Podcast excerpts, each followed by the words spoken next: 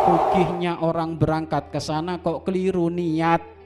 Orang keliru niat sudah keluar BBM, sudah keluar duit, sudah capek tenaga, tapi pahalanya ludes. Rugi orang kayak gitu itu.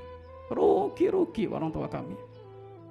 Sehingga Rasulullah Shallallahu Alaihi Wasallam beliau pernah berkata kepada para sahabat, para sahabat atadruna minal muflis. Apakah kamu tahu orang-orang bangkrut itu wahai sahabatku?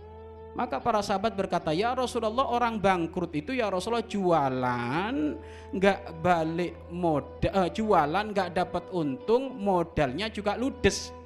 Itu bangkrut. Tapi kata Nabi Muhammad Shallallahu Alaihi Wasallam, laisa dalik, bukan itu orang bangkrut yang aku maksud.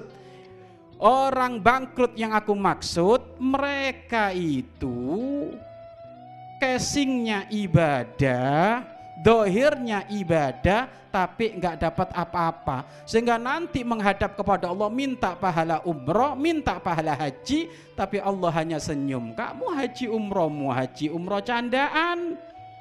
Haji umrohnya haji umroh gaya hidup. Haji umrohnya haji umroh panas-panasan. Sudah di Mekah panas masih panas-panasan kan repot itu.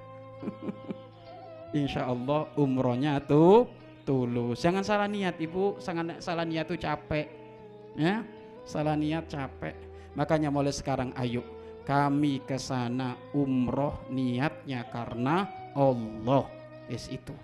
Jangan karena pengen ya Allah saya ke sana berangkat ya Allah karena saya punya tender belum berhasil ya Allah makanya saya pengen doa di depan Ka'bah itu mah kecil.